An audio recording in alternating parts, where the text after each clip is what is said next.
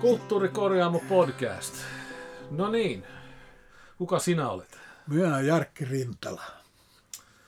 Ja mistä sinä olet kotoisin ja lähtöisin? No joo, jos et sano, että ei ole mistään kotoisin, se on vain vanha juttu, mutta tota, mä olen ihan syntynyt Turussa ja siellä vietin kaksi lapsuuden vuotta ja siitä sitten matka jatkui Helsinkiin ja siellä tuli vietettyä vähän enemmän aikaa tuonne 15 vuoteen, 14-15 ikävuoteen. Sitten matka jatkui Kuopioon ja Kuopiosta sitten tulin alun perin kahdeksi viikoksi käynnistää tuota Kokkola vaakunnan yökerhoa, vanhaa vaakunaklubia uudestaan. Vähän huono alkustartin. Ja, ja se tapahtui muistaakseni vuonna 1976 tai 7, jotain semmoista. Ja minkä takia matka on tällä tavalla mennyt, että mun isä oli tuolla asekoululla upseerina ja kun käsky käy, niin silloin joukko-osasto muuttaa ja sen mukana perhe sitten. Ja eikä siinä oikeastaan, sieltä mä oon kotosi. Okei. Voisi sanoa, niin kuin savolaispoika voisi sanoa, en minä ole mistään kotosi. Joo, no... Mil, sä oot tehnyt pitkän uran kaiken näköistä ja, ja millä sä aloitit täällä Kokkolassa sitten? Että... No Kokkola, Kokkola tulon jälkeen, niin Mulla piti olla alun perin kaksi viikkoa tuossa vaakunaklubissa ja se saatiin kyllä hyvin lähteä ja sitten Markku Veijalainen oli siihen aikaan täällä kanssa vähän aikaa käymässä, että hän käynnisteli sitä ravintolapuolta ylhäällä. Mutta niin meille kävi sitten, että vuonna 1977 ja 1978 niin Kokkolan vaakunan yökerho oli Suomen eniten myyvä yökerho per asiakaspaikka. Oho. Joo, eli siitä tuli aika semmoinen kova juttu. Jos ne, jotka siihen aikaan eli ja pääsi ulos, niin kaikki muistaa. Siellä oli kovia jatkoja jalka, silloin se jalkapallootteluten jälkeen. Ja muutenkin usein sinne sai kyllä jonottaa perjantaina ja lauantaina. Samoin niin kuin yläkertaan. Siellähän oli taas sitten samaan aikaan, kun Rexi, Rexin studiot tuli sitten, niin Kassu Halosen kanssa, Kisu Jäänströmi, ne käytti paljon sitä myös bändien esiintymistilana sitten. Eli mm. siellä oli kovia bändejä läpi linjan näin pieneen kaupunkiin. Mm. Et kyllä Vaakunan maine oli aika kova muun muassa Ullavassa ja ainakin Pietarsaaressa. Ja Pietarsaaressa ei ollut mitään vastinetta siihen aikaan. Täällä oli paljon enemmän niin kaksikielisyyttä niin kuin Kokkolassa kuin mm. mitä tänä päivänä. Sitten samaan aikaan tuota, tuotiin, tuotiin tuota Crimsoni tänne ja ensimmäinen farkkuputiikki siinäkin tuli oltua. Ja, ja sitten tehtiin me historiaa sillä tavalla, että mä muistan mikä vuosi se oli silloin alkuaikana, niin meillä oli tuolla rikkaan Greg Henrya ja White Indiania tuolla – pukumiehen kulmilla, että muistaakseni koulutkin antavat iltapäivän vapaata oppilaan. Ja se kuva, mikä pukumiehessä on jossain tallessakin, niin se suljettiin siitä pitkän sillan kadun risteyksestä. Ja rantakatu oli aivan täynnä ihan sinne laitevälitykseen asti mm, mm. koululaisia. Että, että näitä, näitä kaikenlaisia tehty, että siitä se startti tuli tänne. Joo. No mitä sun siis toimenkuvaan kaikkea kuuluu siihen aikaan? Oliko sä dj ja sä olit ravintolapäällikkönä vai mitä sä... No kyllä mä niin tiskijukkanahan mä olin tuossa tuossa tuota, vaakunan touhussa. Sitten tuota, siellä sitten mä olin myös mukana bändien ostoissa sinne yläkertaan. Välillä oltiin Delta Rhythm Boysin roudarina ja, ja siellä sitten on monia muitakin kokkolalaisia soittajia ollut basisteina esimerkiksi. Haaviston Mikko, hän oli joka vuosi ja taisi olla Tarvaisen Esakin juniorina siellä kilkuttelemassa. Mm-hmm. Siinä oli niin monenlaista kuvaa sitten ja sitten oli tämmöistä pienimuotoista tavasta niin kuin promootiota niin kuin Crimsonin aikaan meillä oli esimerkiksi Harry Gainsit esiintymässä leffateatterissa. Mm. Ihan tämmöinen Just Free for You, ilmainen kaikille. Ja Maksin. Maksimis, joo, joo. Maksimis siellä. Ja, ja tietenkin olihan se aika leuhkaa istua poikien kanssa tuossa vanhassa kukonpyrstössä kahvilla. Ja, kun pyöri enemmän ympärillä ihmisiä kuin koskaan eikä muu ympärillä pyörinyt mm. niin paljon. Että kyllä se, se oli aika mielekästä aikaa. Mm. Kokkolan maine oli hyvä. Varmasti se on hyvä tänäkin päivänä, mutta muusikkoja oli paljon. Mm. Sitten pitää aina muistaa se, kun Kokkolasta puhutaan ja niistä ajoista, niin yksi Suomen vanhimpia pizzerioita oli Kokkolassa, Lefas Pizzeria. Mm. Kaikki bändit, jotka meni Kokkola kautta pohjoiseen, niin poikkeuksetta niin pysähtyi sinne syömään. Okay. Se oli niinku masti juttu. Jos ei, jos ei vuusta tunnettu, niin, niin ainakin pizzoista. Joo. Sitten oli ihan hienoa, kun oli KP on se baari siinä, siinä City-sokoksen kyljessä ja sitten Christian, eli Bengt Huhta oli aika e- paljon esillä siihen aikaan. Ja teki harvinaisen tempun, mitä kukaan ei siihen aikaan voinut kuvitella. Toi englantilaisen bändi taustalleen. Mm. Tosin se oli aika lyhyt keissi, kun ei saanut työlupaa. se siitä. Ja, mutta kuitenkin Kokkola oli hirveän arvostettu ja virkeä kaupunki. Mm. Ja, ja musiikillisesti. Mm. Ja sitten heti kohta niiden vuosien jälkeen tuli, oli, oli tietenkin musiikkiaitta. Harva muistaa sitä Hiltusen kauppaa, missä nyt osuuspankki on. Ja siellä notku jengiä, siellä oli, oli Pulkkisen Jussi ja Friisin Raikkua ja kumppaneita. Ja siellä myyttiin valtavat määrät stereoita ja oli hyvät levyosastot ja kaikki. Ja sitten ei tarvinnut mennä kuin pari korttelia eteenpäin siitä, niin oli taas Kiviahan musiikkiliike, jossa mm. oli maahantuontia sielläkin. Ja muun muassa Karlsbruuta ne toi maahan ja kun taas Hiltunen toi ensimmäisiä transistorivahvistimia, eli HH mm. maahan. Että kyllä tämä niin aika lailla Vekkuli edelläkävijä kaupunki oli siihen mm. aikaan musiikkihommissa. Joo. Sitten taisi olla vielä siinä, missä nyt on Kokkolinnassa olla yksi musiikkiliike vielä lisää. Että näin pienen kaupunki aika paljon Joo. tarjontaa. Joo. No jos palataan tuohon farkkubisnekseen, Hmm. että siis se oli, taisi olla aikamoinen buumi silloin 70-luvulla. Joo, siis kyllähän se, kyllähän se oli siis sillä tavalla, kun Crimsonin aikojakin muistellaan siinä, niin, niin, niin tota, jonotettiinkin kauppaliikkeeseen sisään ja sitten kun näitä niin sanottuja brändättyjä merkkiä, tämä nyt tämän päivän sanoja, niin, Mm. niin, niin kun Beaversia ei kukaan myynyt täällä, Joo. ootko putiikit, niin kyllä se aika hurjaa touhua oli. Mistä näitä, missä näitä valmistettiin? Beaversista tehtiin ihan Suomessa. Niin. Se firman omisti Matti Majava. että sitä- se, se tuota tuli ja sitten Mikmakki oli toinen ja siinä oli Salovaaran perhe omisti sen. Ja, mutta niin kuin Wranglerit ja Liit, johon mä sitten myöhemmin menin töihinkin, olin niiden edustajana tässä maassa ja meidän maakunnissa, niin, niin, niin tuota, ne oli taas ihan Amerikan, aitoa Amerikan tavaraa ja niin mm. poispäin. Mutta kyllä niin Beaversin nousu voisi yhtä bändiä aika paljon. Sitähän lanseerasi silloin aika hyvin niin Remo ja Joo. ja Ruotsia myöten. Mm. Lee Cooperilla oli taas Suomen puolella Alatalon Mikko. Mm.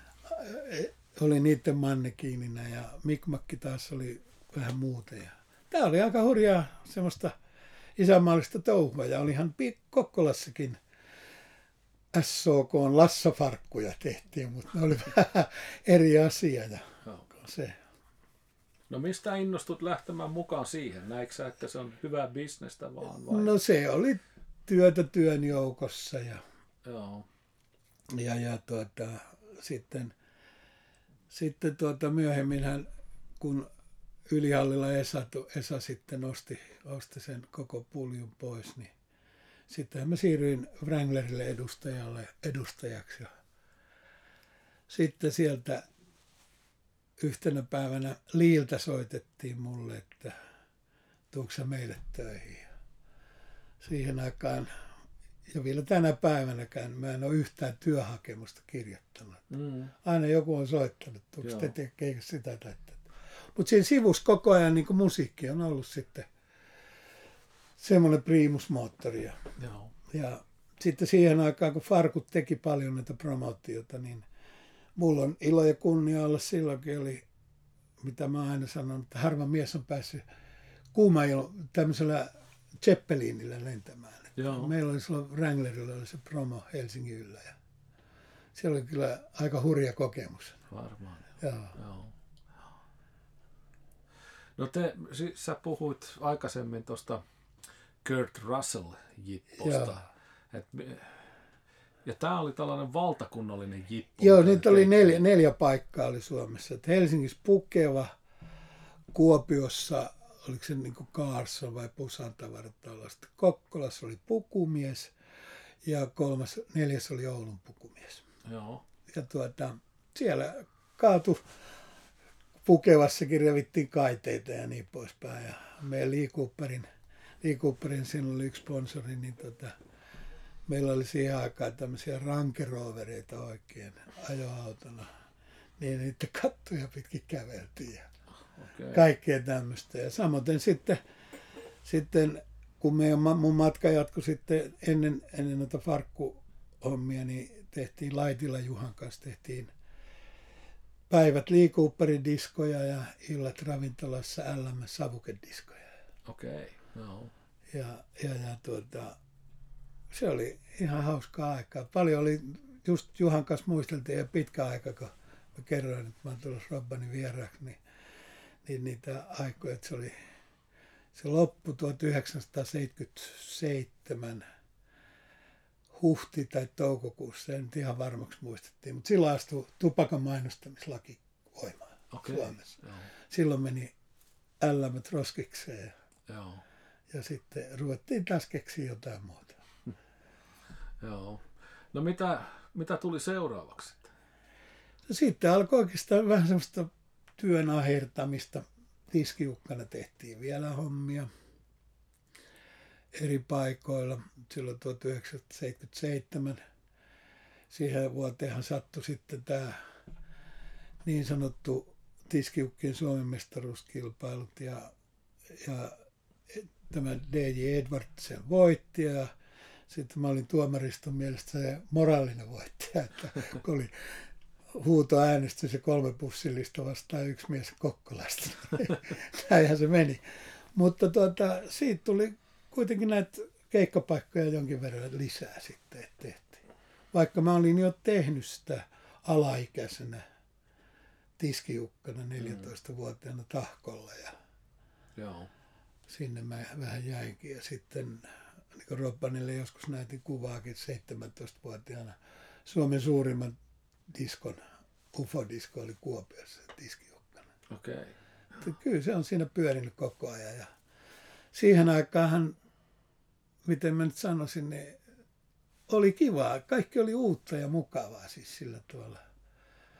Muistan aikana, Kuopiossa oli tämmöinen työväentalo, jossa kaikki bändit kävi siihen aikaan keikalla. Ja,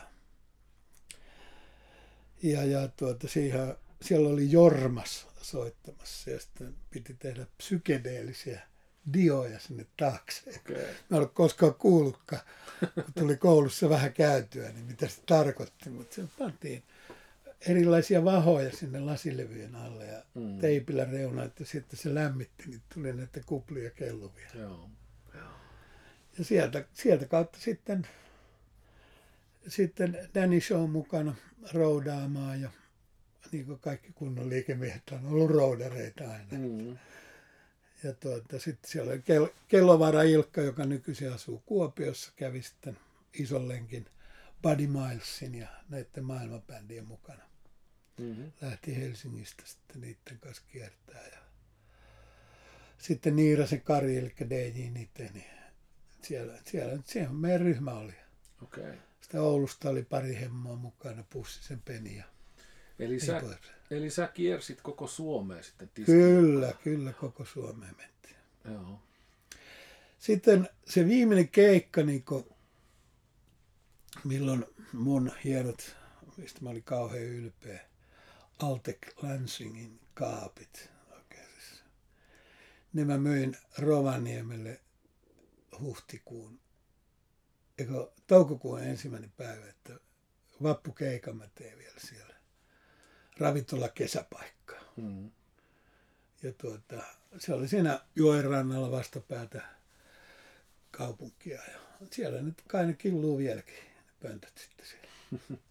Siinä jää mun töttäret. Sitten, sitten mentiin lainavehkeille ja niin poispäin. Joo.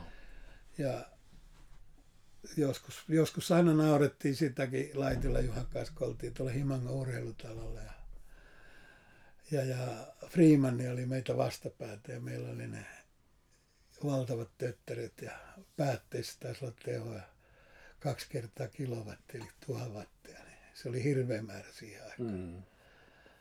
Ja tuota, ne me niin sanotusti laulettiin aina Freemanin suohon sieltä, sieltä Mm. toisesta päästä.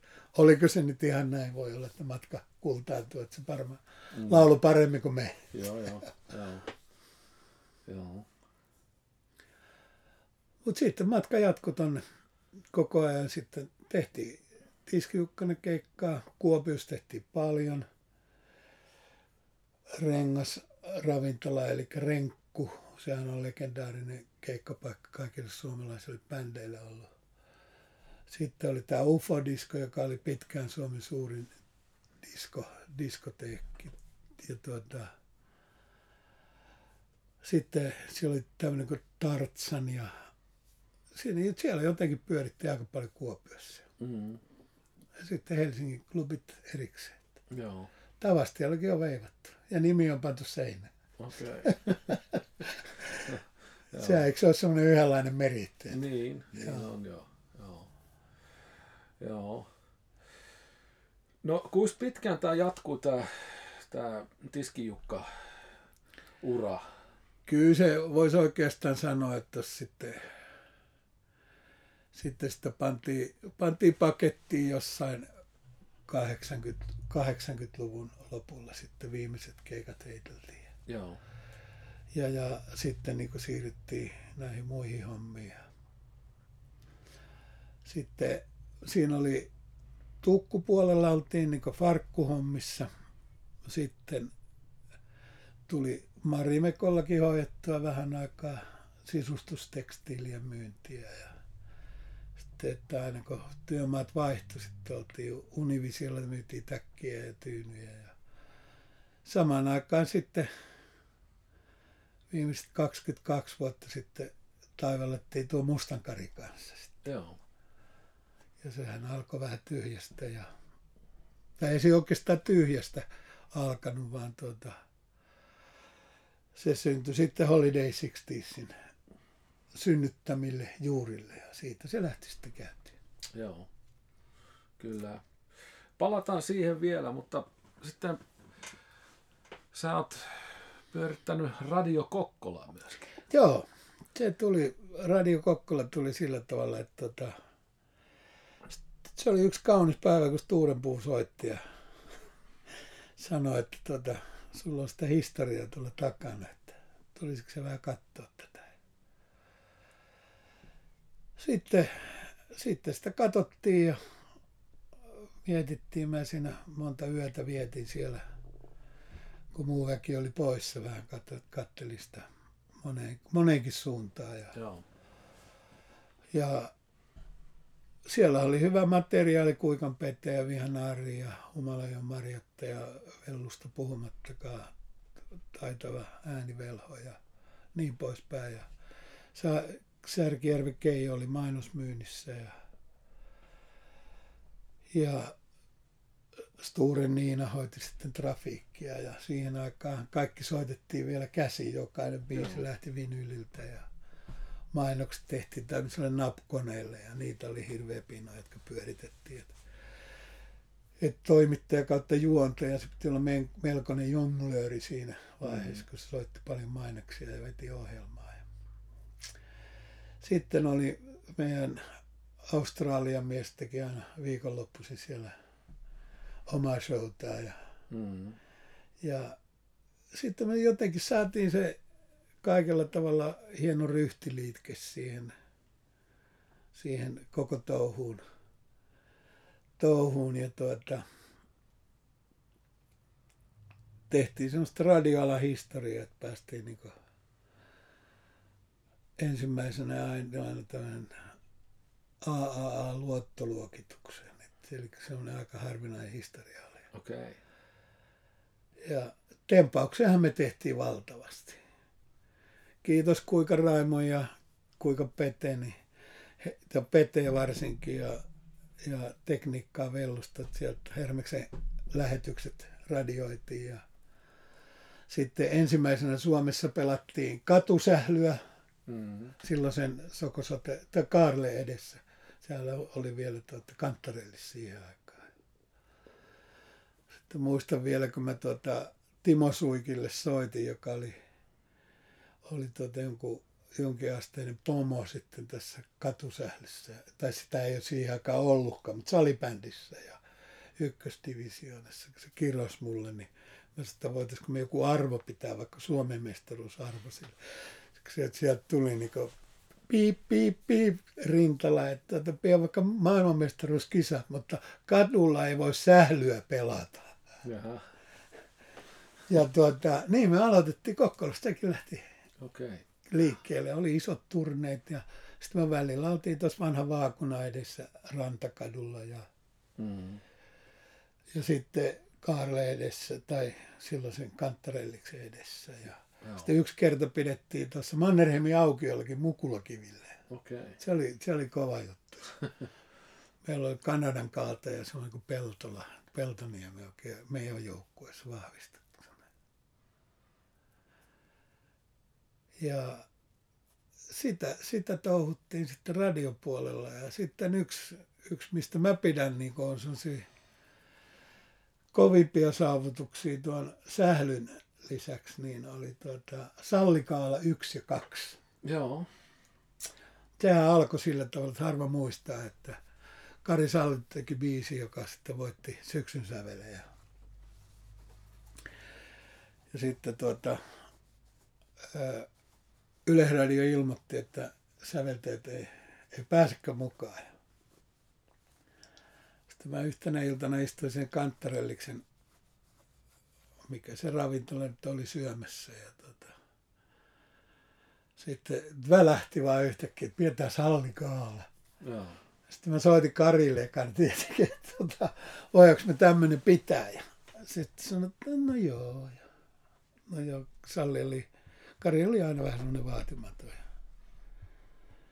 Sitten että joo, sitten sit se lähti ja tota, lähdettiin vähän sponsoreita, Motorola sponsoroi puhelimen, että hän voi antaa sieltä raportteja ja radiolinja mm. muistaakseni, vai oliko se Sonera, kortit sitten ja sitten tuota, mihin me saadaan tämä tehtyä, niin se vaakunassa sitten tehtiin. Mm.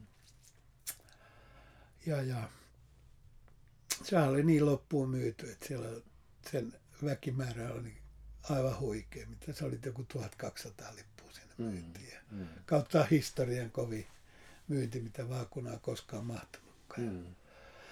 Ja Sallin Soul House-bändi heitti taustalla ja artistia tuli niin jonossa. Ja mm. se, siis se oli semmoinen meininki, että tota, mä olin juontamassa ja, ja tuota, mä en päässyt sieltä lavalta pois koko aikana. Että, että niin kuin, sitä yleisö oli niin paljon siis mm. yksinkertaisesti. Mm. Ja sitten seuraavana vuonna taisi olla Salli Kalle kakkonen sitten. Ja sitten nimi muuttui.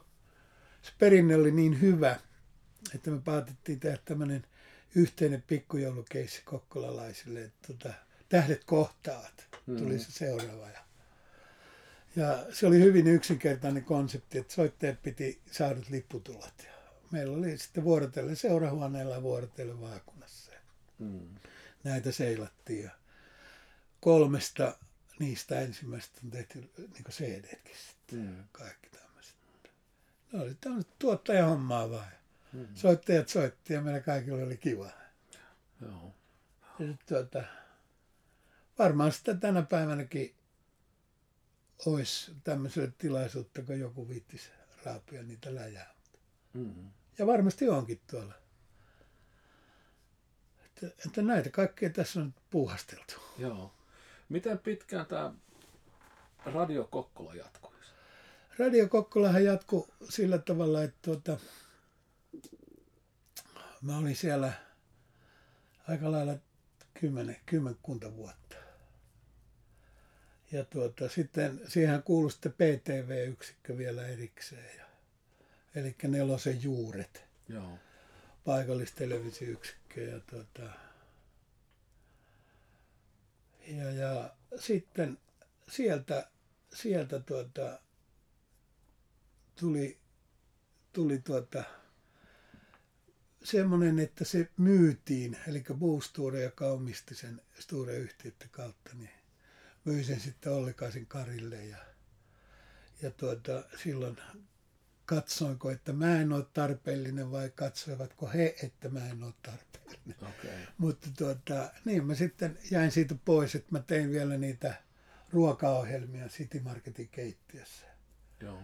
Mitä Juha-Matti Anttila kanssa aloiteltiin. Ja, ja niitä mä tein sitten vielä Ollikaisen aikaa ja mutta sitten tuota, jäin oikeastaan kokonaan sieltä pois sitten. Ja sitten sehän muuttui muutenkin, että sehän ajettiin tavallaan toimituksena, toimituksellisena radiona alas sitten pikkuhiljaa. Kuinka Pete Vihanaari ja kaikki nehän siirtyi Yleisradiolle mm. ja tällä tavalla, että siitä tuli sitten semmoinen kokeileva. Ehkä nämä paikallisradioiden aika oli. Ehkä se oli niin. silloin nähty, joo.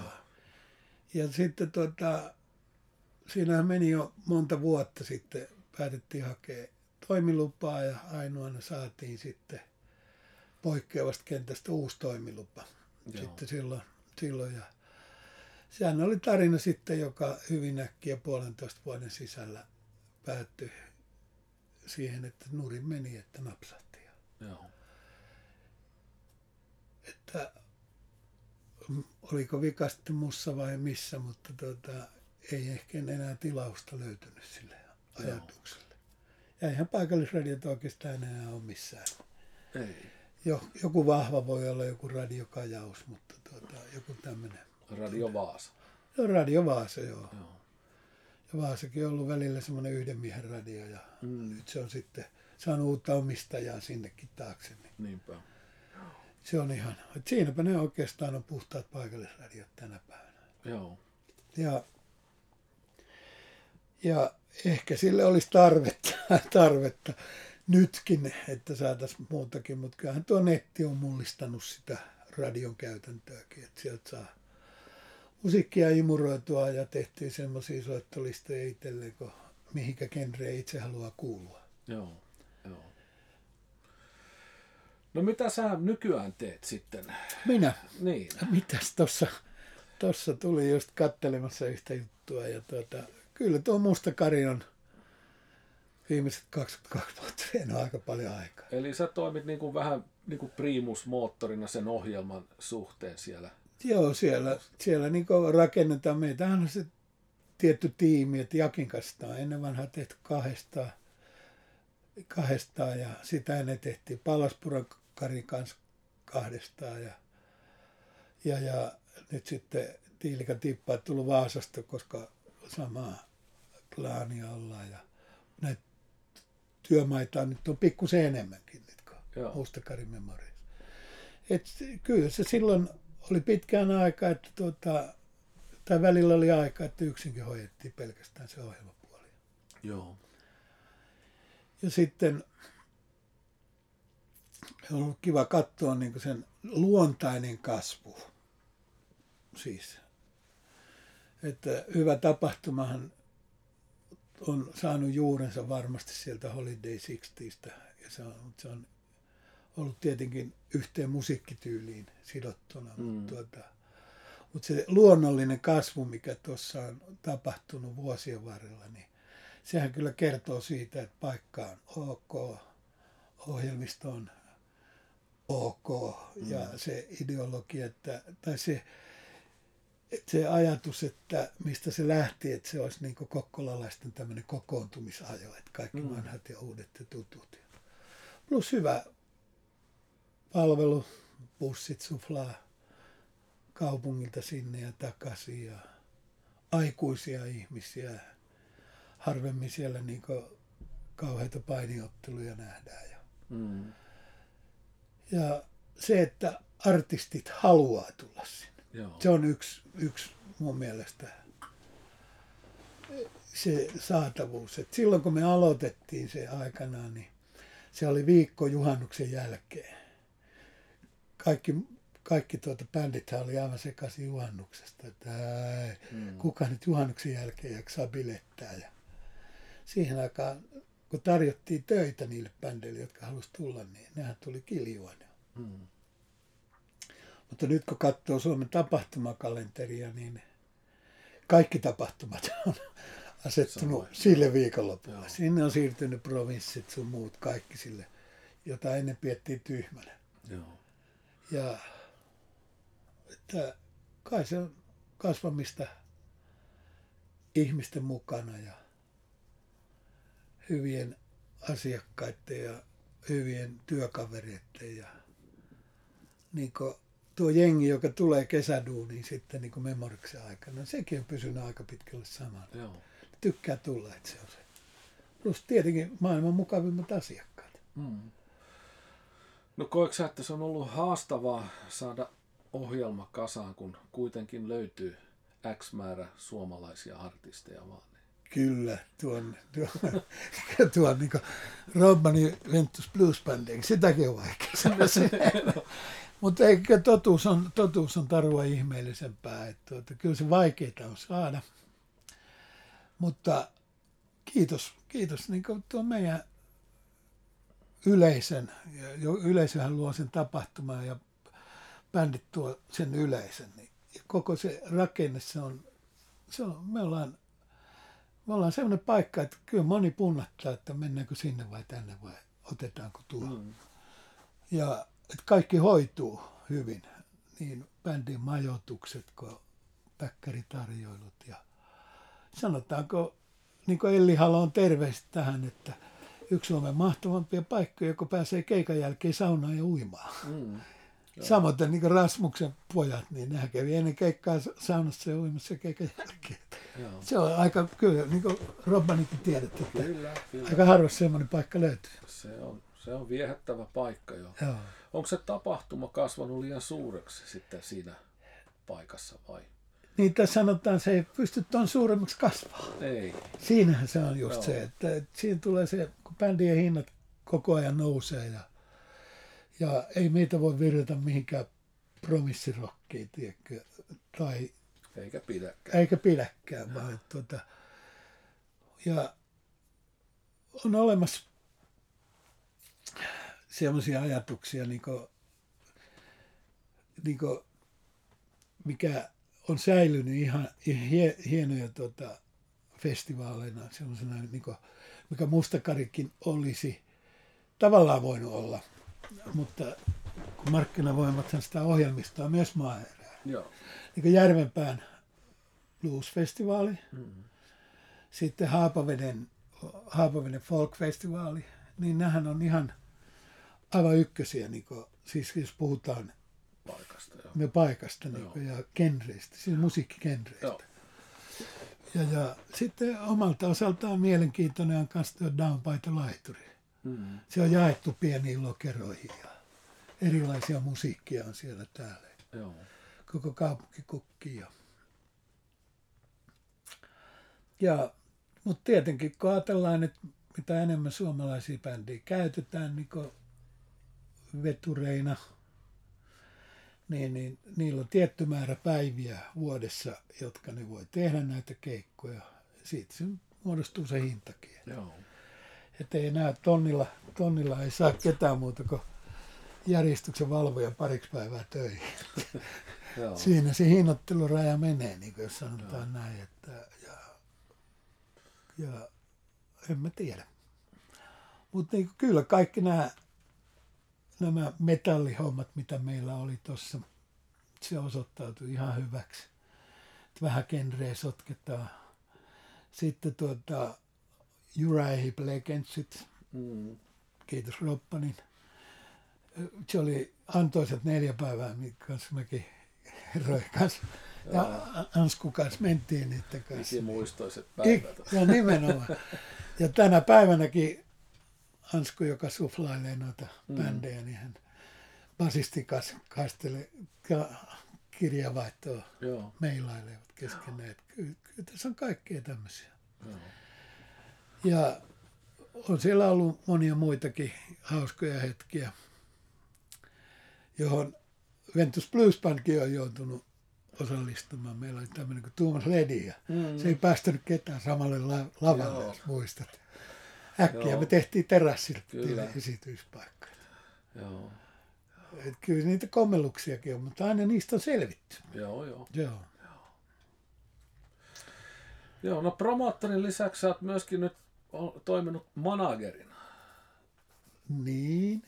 Et kerrotko siitä vähän sen?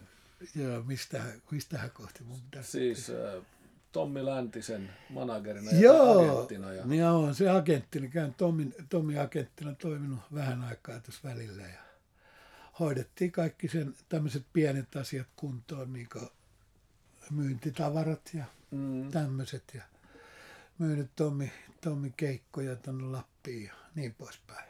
joo, Se on nykyään enemmän ollut semmoista turkulaisten, kun mä oon Turussa syntynyt ja hän on Niin. myös Turussa, turkulaisten tämmöistä sukulaisuutta. joo, joo. Se, Ja kyllä Tommi aina silloin tällä pyypähtää meilläkin ihan vaan terapiassa. Ja joo, kyllä se eri on täällä Kokkola Pietasaaressa istua pizzeriassa kuin tuolla Helsingin humussa. niinpä.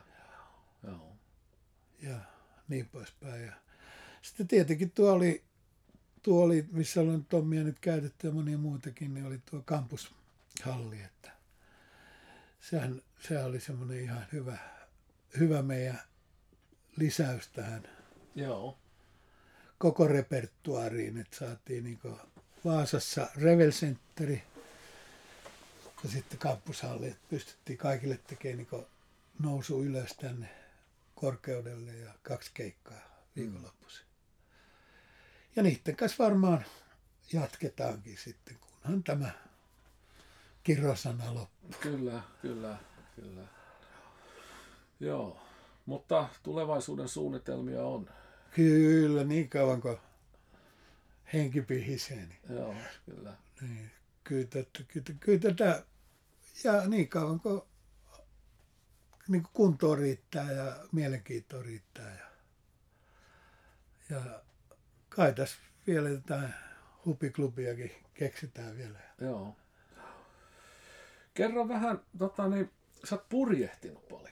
Joo, kyllä mä sitäkin harrastan. Joo, et kerro vähän näitä isommista reissuista, mitä sä oot tehnyt. No koe tuossa niin ison reissun, niin sitä mitä mä oon tehnyt, niin oli kyllä se Gibraltarilla silloin, kun Markku Viikerin Martelaaffia oli, niin mulla oli tilaisuus siellä olla parisen viikkoa trimmaama, tai se nyt oikeastaan trimmaamista on, enemmänkin se oli tämmöisiä sponsoripurjehduksia tehty. Mm. Käytiin vähän Atlantin aaltoja kokeilemassa semmoisella jättiläisellä ja tultiin takaisin. Mm. Tämmöistä se oli ja sitä siellä viritettiin sitten. Sitten oma, omat purjehdusharrastukset on ollut mulla, että ei semmoisia 245 avanssi ekana ja Mm. sen kanssa koluttiin Ruotsin rannikot ja kaikki niin kuin hyvin pitkälle. Ja sitten vielä viimeinen avans 33, niin sen mä tein sitten alusta loppuun tuolla Veits- Veistämällä. Mä olin talven siellä vierotushoidossa kaikesta puhtaasta ilmasta. Ja, Ja tuota, haistelin hartsipölyjä ja joo, sitten, sitten tuota, se, seko sitten tuli tämmöinen elämänkumppanin kanssa eri suuntiin käveleminen. Ja sitten se myytiin tuonne Helsinkiin. joo, joo, Mutta se pääsi erittäin hyvään kotiin sinne, että joo. niin poispäin. No, onko sä ihan niinku lapsuudesta asti niinku purjehtinut vai? Ei, kyllä oikeastaan mun mun tuota, purjehdusharrastuksesta on tullut vähän niin kuin sunkin purjehdusharrastus aikuisella iällä. Tuota, mä laskettelin aika paljon silloin, että tuota, siitä mun tiskiukaurakin alkoi alko siellä Tahkovuorella. Mm. Kotilaisen takku, takku katsoi mua, kun mulla oli pitkä tukka ja mä olin sitten, oliko mä 13 siihen aikaan. Ja, ja tuota, tämä vanha tahkovuori, mitä ei enää ole olemaskaan, oli se legendaarinen Nipasenmäki. Se kysyi multa, että osaanko mä soittaa levyä. Mä sitten, eh, osaan, osaan, osaan. Mm-hmm. Sitten kun hänen vaimonsa joutui synnytyssairaalaan, hän joutui lähteä Helsinkiin. Jaha.